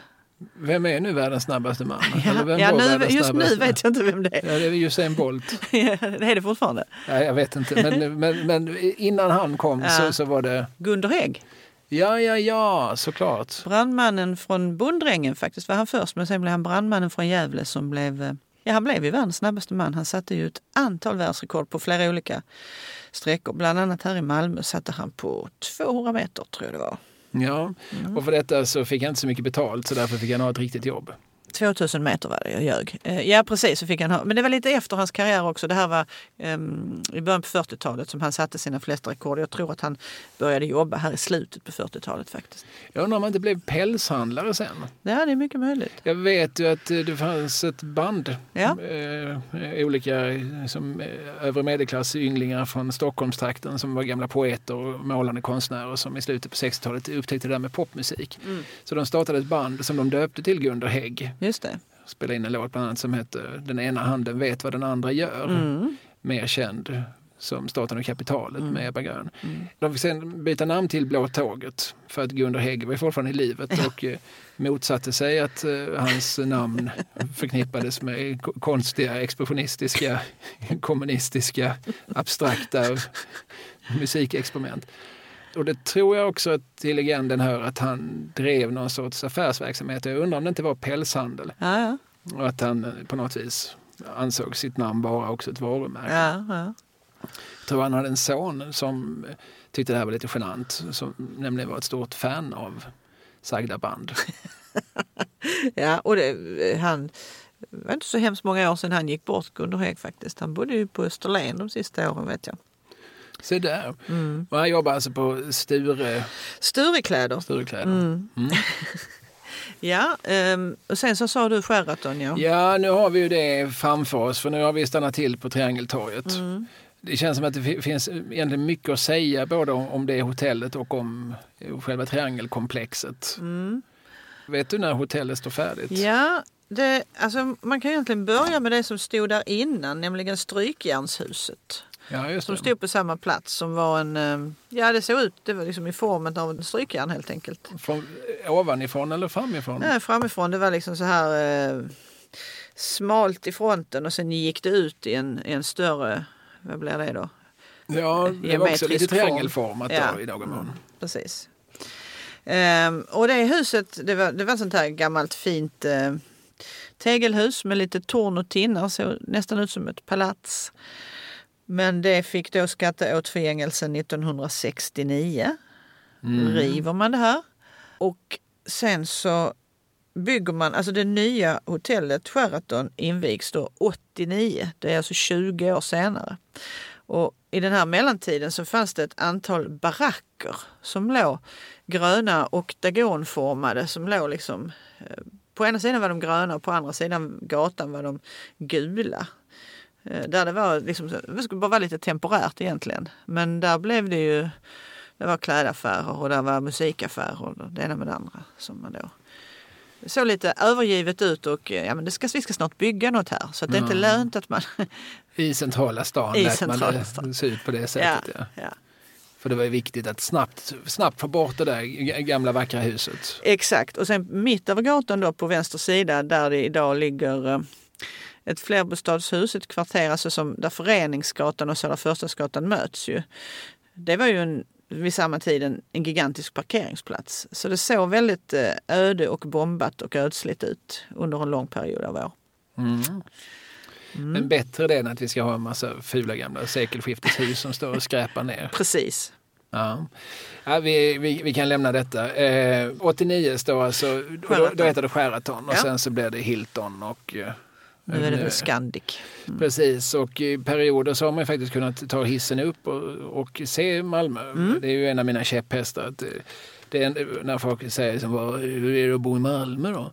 Eh, så ja, det är ett, en sak som är tråkig med Malmö och det är att det är platt, att man inte ser stan. Mm. Så fort man kommer till Göteborg och Stockholm så upptäcker man just det, höjder. Ja. Jag får en vy, jag får ett sammanhang. I Malmö så, så ser man ju bara precis de hus som man har runt omkring sig. Man har ju aldrig liksom någon sorts perspektiv. Nej. Och det är väl ett av skälen till att vi gärna har byggt högt i Malmö för att det ska finnas någon form av utsiktsposter. Sen tycker jag det är ett problem att de ofta då plomberas för, för menigheterna. Mm. Att du, du kommer inte upp i, på de här platserna. Du kommer inte upp i Torsson, du kommer inte upp i, i Sheraton om du inte tillhör de invigda. Nej, Översten har ju funnits som en, ja. en, en möjlighet ja. faktiskt att åka upp om man, om man vill få liksom överblick. Ja. Se hur saker hänger ihop med varandra. Och nu kan man också göra det i, i Malmö Live-komplexet där. Just det. det finns en skybar även där. Men jag tror att det är någon sorts skäl att, vi, att man har byggt gärna högt mm. i Malmö. Det är ju för att, att även byggherrarna är lite nyfikna, undrar hur den här stan ser ut. ja men precis. Uh, ja och det, det kan man väl göra fortfarande tänker jag. Åka upp i hissen där, kanske inte just nu när det är pandemi, jag vet inte men uh, annars så jag vet att det, åtminstone i perioder så har det, har det gått att göra. I perioder så har det krävts att du har... Nyckelkort. Att, ja, precis. Mm. Uh, ja. Nåväl, sen så har vi då Triangelköpcentrat mm. som man kan Som en gång i tiden var Domos varuhus. Var hela komplexet ett stort varuhus? Mm, det var det ju ursprungligen. Men det var ju då lägre? Ja, precis. Och det här invigs i mars 1958. Då var det ju super ultra modernt och hade varit en byggarbetsplats i vid pass två år då. Då är det så att då, då råkade jag träffa på en dam som bodde med sin familj i gamla Pildammsskolan. Ty hennes pappa var vaktmästare där, eller hade en syssla som gjorde att de hade en tjänstebostad. Och då kom de ju per definition lite grann upp, för de bodde då högt uppe. Och tog fotografier ner på det här och följde det här bygget av Domus varuhuset. Det är ju rätt så festligt faktiskt att man fick se hur de, de bodde då liksom på andra sidan Johanneskyrkan någonstans mm. och hade... Mm. Eh, ja, eller där egentligen det är rivet nu men eh, hur blir det nu då? Ja, vi tar sväng, om vi kommer nu på Södra Förstgatan och så, så svänger vi till, till höger, alltså där Frisgatan kommer. Mm. Man kan gå både till vänster och så kan man gå till höger och så går vi upp förbi kyrkan. Och på höger hand så har vi ju nu hela den här liksom gatan med olika butiker och restauranger som man kan gå in i. Utifrån. Det som numera heter Bo Widerbergs plats? Nej, det är... Alltså du, du tar vänster på Frisgatan? Eh, nej, jag tar till höger. Men Bo Widerbergs plats ligger ju borta vid eh, Tandläkarhögskolan. I den, den uppgången till eh, Citytunneln. Då har jag missuppfattat det. Den andra uppgången, den här, där, där löper ju liksom en Den modernistiska glaskupan. glaskupan. Ja. Om man går liksom från den och upp, upp tillbaks mot Södra Förstadsgatan så är det ju ett antal ja, butiker och restauranger. Så där, det huset står nu, där fanns innan en del av gamla Pildammsskolan. Som var flera olika byggnader. Mm. Ja, och där bodde då den här människan och hennes familj som då hade då fotograferat liksom, under 50-talet ja, ett antal bilder per år och så liksom hur det förändrades och, och såg ut. Och det är jätteintressant. Det är också intressant att läsa Sven Rossborn, arkeologen, gamle museichefen med mera, med mera betraktelser om hur, när man grävde för att bygga det här. Det här är ju alltså HSBs arkitekter som ritar och Solidar är byggherre. Och då hittar man ju plötsligt en massa gamla intressanta saker när man gräver där såklart. Här låg ju en medeltida bondby som kallades för um, Övre Malmö. Äsch, det har vi inte tid med. Tänkte, tänkte sossarna. Ja, eller, på- ja, eller vilka det nu var. Men, eh, men Sven då skriver ju om hur han har i sin tur varit i kontakt med olika människor som jobbade med det här och som berättat att de fick tillsagt sig att vad ni än hittar så skit i det ungefär för att det här ska bli byggt och gjort ganska snabbt. Mm. Och det här blev då så småningom ett Domusvaruhus som sen i någon 80-tals inkarnation blir till ett köpcentrum. Just det som då hette DC först va? Domus City. Ja, där känner jag igen. Jag har aldrig använt begreppet DC, men eh, folk som har bott i stan längre än jag eh, kan dra sig till minnes Ja. att eh, man förväntades kalla det för DC. Jag måste erkänna att jag faktiskt fortfarande kallar det för DC. Ja, jag kan tänka det. Och Wessels, ja. Det finns många, många sådana saker som är svårt att få ur systemet. Men det är kvarteret Kaninen vi pratar om i alla fall. Ja. Men, och nu har vi då eh, liksom korsat eh, Föreningsgatan. Mm. Och Södra Förstadsgatan fortsätter ju nu som sagt hela vägen upp till Dalaplan. Ja. Eh, och vi har triangeln till höger och sen har vi ja, den första gatan till vänster vid Spångatan. ja, just det. Eh, och där ligger ju kvarteret Korpen Ja, som vi också har haft anledning att nämna mm. förut. just det. Eh, det ser då alltså inte alls ut som på Bo Widerbergs tid. Eller som i hans film. Där låg en, eh, jag, jag bodde i det kvarteret en kort period på 90-talet. Då låg det tror jag tre bingohallar i kvarteret. Ja, ja, på Spångatan är det en i alla fall. ja, och så var det en på Södra Förstadsgatan och så var det en uppe på Frisgatan. Ja, Framförallt den på Spångatan var ju också väldigt stor. ja, ja. Alltså, omfångsrika lokaler. De har ju då successivt fått lägga ner och jag tror att den stora dödsstöten för hela bingoverksamheten var rökförbudet 05. Ja, såklart. Det var väldigt, eh, det var väldigt Lützenaktigt när man tittar in genom, genom skyltfönstren. Ja, det är ju synonymt det där på något sätt. Röka Ja. och bingo, ja. Ja, det, det verkar vara samma människor som, som dras till de här båda hobbysarna. Mm. Men sen den här biten av Södra Förstadsgatan, det är också mycket, om man tittar upp så ser man väldigt många sådana här små torn. Mm. Väldigt många hus med små söta torn. Mm.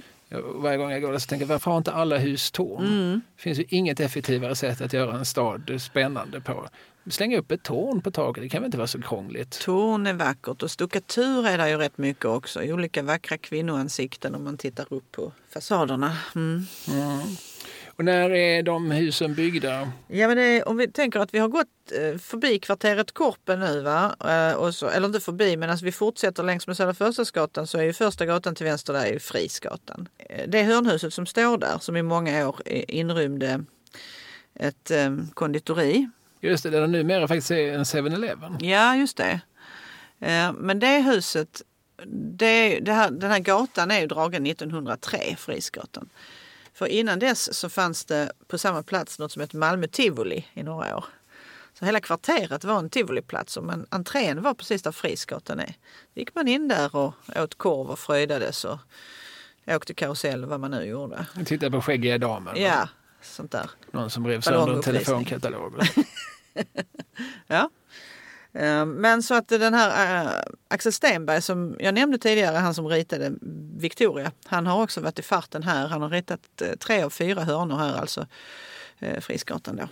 Och i det huset, det här huset som vi nu pratar om, där bodde faktiskt i en hel del år en väldigt stor internationell artist, nämligen Nina Persson i Cardigans. Just det. Det råkar Sydsvenska vid något tillfälle skriva. Aha. Eh, Det tyckte inte Nina om. Nej, Just apropå folk som vallfärdar och Ja. stockar och, ja. och sådär. Nej. Ja, just det. Och, det, och Frisgatan eh, har ju nu framförallt sommartid blivit eh, gågata. Mm. Och, eh, för där finns det ju som kaféer och krogar och eh, det satsar man på att det ska, ska, ska vara någon sorts eh, En levande... en La Ram, Malmös La Ramba. Ja, just det. Mm, mm. Det är inte riktigt.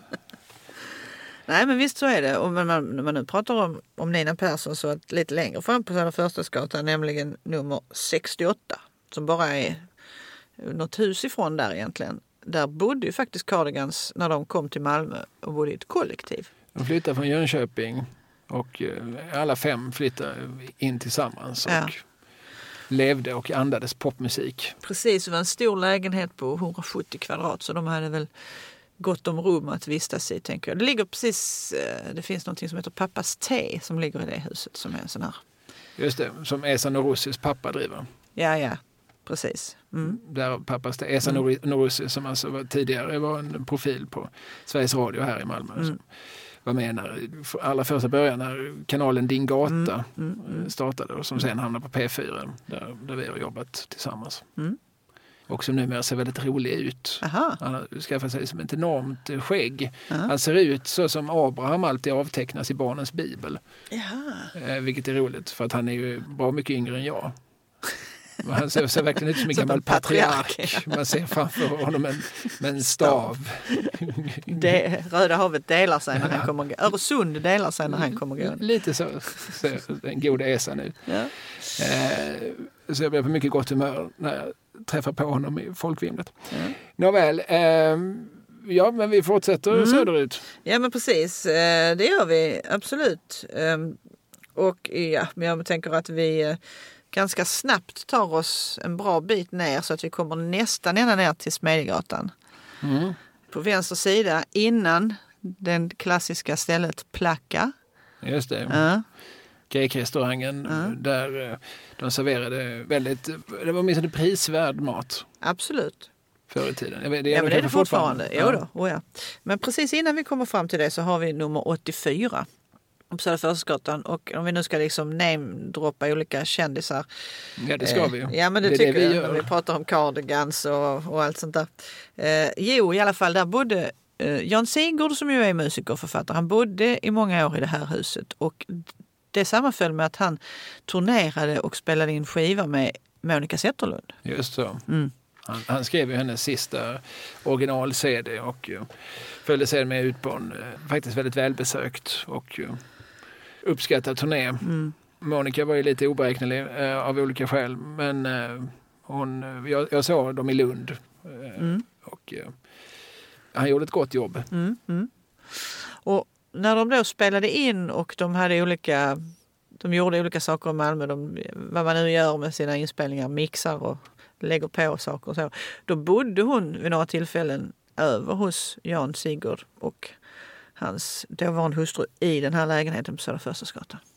Cool. Så Monica har trampat Södra Förstadsgatan, får vi förmoda. Ja, det, är- jag, jag ska verkligen ha detta med mig när jag går där nästa gång. Mm. Ett lingonris i ett cocktailglas. Mm. En blond negress från Värmlands huldraskogar, Mm. Lyder fortsättningen på, på versen. Ja. Den är, har tyvärr då blivit politiskt inkorrekt. Men eh, det här var ju en dikt som Tage Danielsson skrev till henne Mm. 1967. Från eh, hans bok Samlade dikter 1967 till 1967. Den är fantastiskt rolig. Ja, det är bra. Ja. Vad tänker du att vi ska... Ja, nej, jag tänker, vi ska vi inte komma fram till slutet av gatan eller stannar vi här? Känner vi oss trötta i benen? Nej, men vi... Ja, jag vet inte. Vi, om vi fortsätter ner till hörnet Smedjegatan nu så på vänster sida så ligger det ett hus. Där finns en indisk restaurang som heter Indian Haveli. Yes. En gång i tiden fanns där ett Malmös första, tror jag, hamburgerhak som hette Williams. Oj, oj, oj, oj. Nu tändes en nostalgisk Ja. blick i Vantes ögon. Det är långt före Burger King och Ja, klock och allt vad det var. det internationella monopolkapitalet. Ja, precis. Eh, I detta hus som då är nu är så vackert och fint renoverat, där, ehm, där bodde en gång i tiden Elma Danielsson som vi också har pratat om här. Mm. Vi bara hänger upp det här på olika... Ja, journalist och politiker och Ja. kvinnosakskämpe Mm, mm. och eh, en kvinna som fick saker och ting gjort. Mm. Ja, vi har ju gjort ett program som handlar om henne och nämnde Anna Stenberg. Precis. Hon jobbar bland annat på tidningen Arbetet som hennes make Ja. eh, grundade Axel. Just det, precis. Mm. Eh, och det är ju också, det är ju mycket så här, många av de här kåkarna är ju från tidigt 1900-tal. Eh, så även detta hörnhus då. Men Södra Förstadsgatan, alltså, nu måste jag bara tänka på sträckningen, sen går den ihop med Bergsgatan. Ja, sen så fortsätter den precis och sen så blir det en liten snutt där när den går upp i Bergsgatan. Men sen det är ju bara precis där de möts vid Allmänna sjukhuset säger jag fortfarande. Men SUS får vi säga. Ja, Innan. Södervärn och sen SUS då. Sen fortsätter Södra Förstadsgatan ner mot Dalaplan. MAS blev UMAS som Ja. blev SUS. Just det. Det är många förkortningar att hålla reda på. Ja, jag, jag säger ju helst UMAS, för jag älskar det här jag-svaga. Universitetssjukhuset Malmö Akademiska sjukhus. Man ska två gånger understryka att det här är inget jävla bonnasjukhus. Nej. Vi är både universitetssjukhus och akademiskt. Det är ingen fältskär det här inte. Nej, men det är ju vad vi kallar kanske en taftologi. Ja. Tårta på tårta. Jag behöver inte veta att, att det är både och. För det är ju samma sak. Nej men det är riktigt. Ja, och nu är det då eh, tillsammans med USIL så är det ju nu SUS. UMAS och, och USIL slogs ihop till SUS. Ja. Alltså universitetssjukhuset i Lund. Mm. Ja, och sen ända fram till Dalaplan och där Ja. låg, eh, så vi har Södervärn eh, busscentral till vänster. ja. Innan det så har vi Fisketorget, heter det så? På höger sida ja. Nej, på vänster sida. Vi har ju fortfarande Gustav i ryggen. Jaha, om du kommer från, eh, på, från Bergsgatan tänkte jag nu. Ja, just Ja, precis. precis. Ja, precis. Jo, men det stämmer ju att du har, att du har det på vänster sida. Mm. Ja, just det. Eh, och eh, med den här statyn av Sillagumman. Ja, Gunnel Fribergs från 1980. Mm. Mm. Och sen så går vi över korsningen Mm. och nu har vi då Akademiska sjukhuset på höger sida. Ja. Och vad har vi att säga om den bebyggelsen som vi nu har fram till Dalaplan? ja, men alltså man tänker sig, det är intressant att tänka sig att Södervärn, om vi börjar med Södervärn, där fanns ju ett litet eh, järnvägssamhälle, stationssamhälle kring 1874 så kommer ju järnvägstrafiken Malmö-Ystad. Mm. Och sen så finns ju också andra sträckningar där. Men där finns ju några gator kvar i eller några hus kvar i Fricksgatan till exempel som minner om det här gamla när man byggde på det här sättet, de här 1870-1880-talshusen. Låga, det påminner lite om gamla väster kan man också säga. Ehm, Men Det är några helt slumpmässiga eh, gathus som står jämte det här liksom enorma Ja. komplexet där apoteket Ja. numera ligger. Precis, de fick vara kvar. Mm. Innan, då kan man ju förstå att det, från början då på 1800-talet så har det ju sett likadant ut eh, i de här olika kvarteren runt omkring där. Ja, och så, Södervärn, ja precis. Och där gick väl också sen spårvagnar och så. Ja men precis, det, eh, spår, eh, järnvägen eh, det var ju då till, till tidigt eh, 70-tal någon gång och sen så ersatte man hade också rälsbussar vet jag man åkte när jag var barn åkte man till, till Falsterbo och badade därifrån. Nu låter det som att jag är oerhört gammal, jag hör det själv. Det är du Men- också. Ja, Eh, men, men, men det har en lång historia av att vara en trafikknutpunkt. precis. Stämmer bra. Och vissa tåg svängde ju, alltså man kan säga att vissa gick ju rakt fram sen i Lönngatan då. Medan andra, de som skulle till, till Falsterbo, de svängde av eh, mot Sofielund i det som idag är cykelbanan. Alltså det är den gamla järnvägssträckningen där man cyklar upp eh, under tunneln och sen upp eh, över Idundsgatan och ut, vidare ut mot Kulladal, Lindeborg och så vidare. Mm. Vad var det nu egentligen du frågade om? Men, ja, utan nu, jag vill bara att vi ska liksom gå hela Södra Förstadsgatan Ja. till, till dess slutpunkt. Just det. Och eh, som sagt, eh, nu, så nu har vi UMAS på höger sida och på vänster sida så finns bland annat det som när jag kom till stan hette Bäst. Ja, just det. Som var ett, ett varuhus som har en, vad heter det, ett parkeringshus Ja. som, med, med en ganska djärv och tidstypisk arkitektur. Jag ville, skulle vilja säga EPA, men eh, jag är ju som sagt äldre. Ja, just det. Men när jag kom till stan minns jag att det hette Bäst. Ja, ja. Och idag är det Lidl. Mm. Just det. Mm. Jo men precis, och det, den här snutten vi är på nu, man märker ju det. Och när vi började uppe vid, vid nummer ett och nummer två och sådär, då är det ju hus som är från eh, sent 1800-tal, tidigt 1900-tal. Men nu så har vi ju en helt annan, en mycket yngre bebyggelse. Alltså det där gamla som låg kvar här, denna delen av gatan som vi är på nu, här bodde ju inte de här barnläkaren Johan Kronqvist, alltså Alice Lytkens pappa, utan här bodde ju andra människor som inte hade lika gott om pengar. Så att deras hus fick också stå kvar längre innan man rev och därför är bebyggelsen där nyare nu. Mm. Mm. Jag förstår resonemanget även om jag inte köper det. och på vänster hand nu i det här kvarteret, eh, där går det in, det, är ju bostadskvarter, mm. alltså vad kan det vara, fyravåningshus ja. överlag. Och de heter sånt som Upplandsgatan och Uppsalagatan, Flensburgsgatan. Ja, just det. Och, sådär. och sen så kommer vi slutligen fram till Dalaplan mm. och eh, nu fortsätter vi rakt fram nu så kommer vägen att byta namn till Per Albin Hanssons väg. Ja. Då har vi gått hela sträckan. Precis, och jag tänker också att när vi nu är inne på, på ditt nyvaknade fotbollsintresse. Mm. På höger sida precis vid Dalaplan innan vi kommer fram. Jag undrar vad den gatan heter. Jag har glömt det faktiskt nu. Kan det vara Värmlandsgatan? Minns inte riktigt. Men där växte i alla fall Ronny Hellström upp under några år. Målvakten? Ja, visst, den stora landslagsmålvakten. Som väl också spelar i Bayern va? Ja, jo, jo. Och i Karlsruhe kanske. Kommer inte riktigt ihåg det där. Titta inte på mig. Sök inte svaret hos mig. Men han hade... Det jag råkar kunna, det, det är så fläckvis och det, det kastar jag ur mig av mig själv bara för att visa att jag inte är helidiot.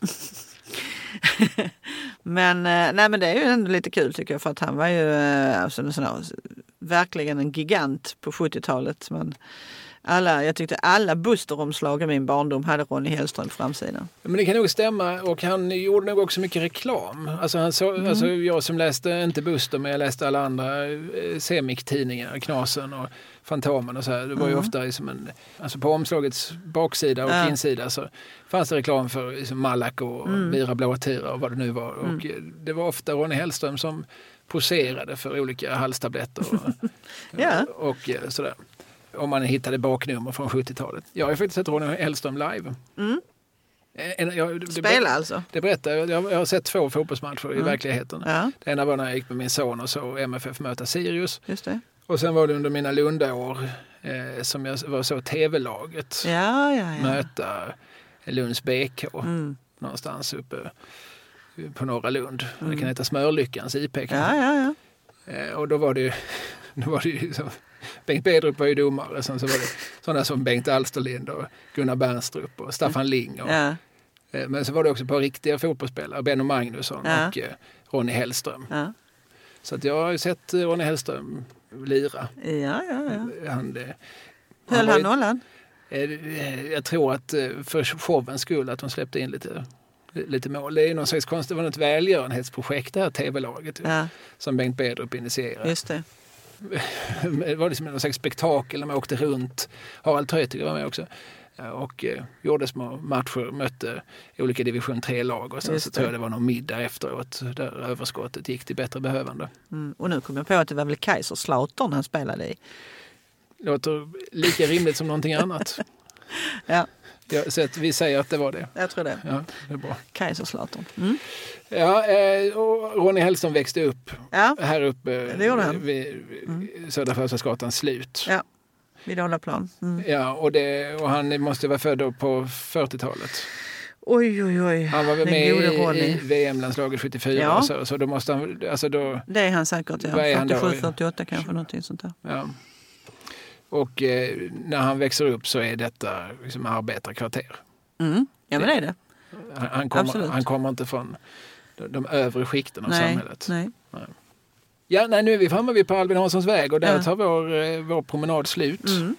Det har, vi, vi har gått att, några kilometer. Ja, det har vi faktiskt gjort. Och eh, för er stackare som har gått med oss i lurarna, jag gissar att ni har fått liksom gå lite fram och tillbaka. vända till, just det, vi glömde. In på bullen, ta en öl. ja, precis. Men, men det så, så får det bli. Mm. Vi, vi går ju lite kringelikrokar. Mm. Våra promenader, liksom våra samtal, tar ju små, lite associativa, små, små omvägar och avvägar. Mm. Och genvägar och eh, omvägar. Eh, ja men vad bra, nu är vi trötta i benen. Nu får vi slå oss ner. Det finns något, något eh, café där uppe. Wallins konditori kan man Ja ta då. precis. Mm, Ja, då går vi in där och tar oss en fastlagsbulle det tycker jag. och ingen jävla semla. Nej, min själ. Nej. Det, det, är alltid lika nöjsamt att språkas. Mm, det, Vi, verkligen. vi får väl se till att göra det igen om två veckors tid.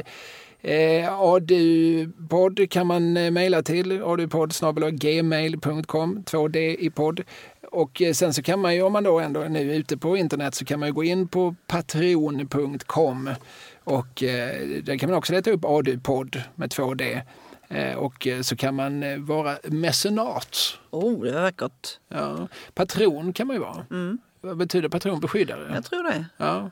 Så man kan beskydda den här podden. Ja.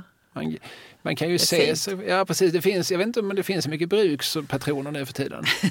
så man får vara poddpatron, det är inte samma, har inte samma lyster kanske, men, men eh, det är så nära man kan komma. Man kan ta på sig sina knickerbockers och sin, sin eh, oljerock, Med sån här kry, krycka med silver... eh, Vad heter det?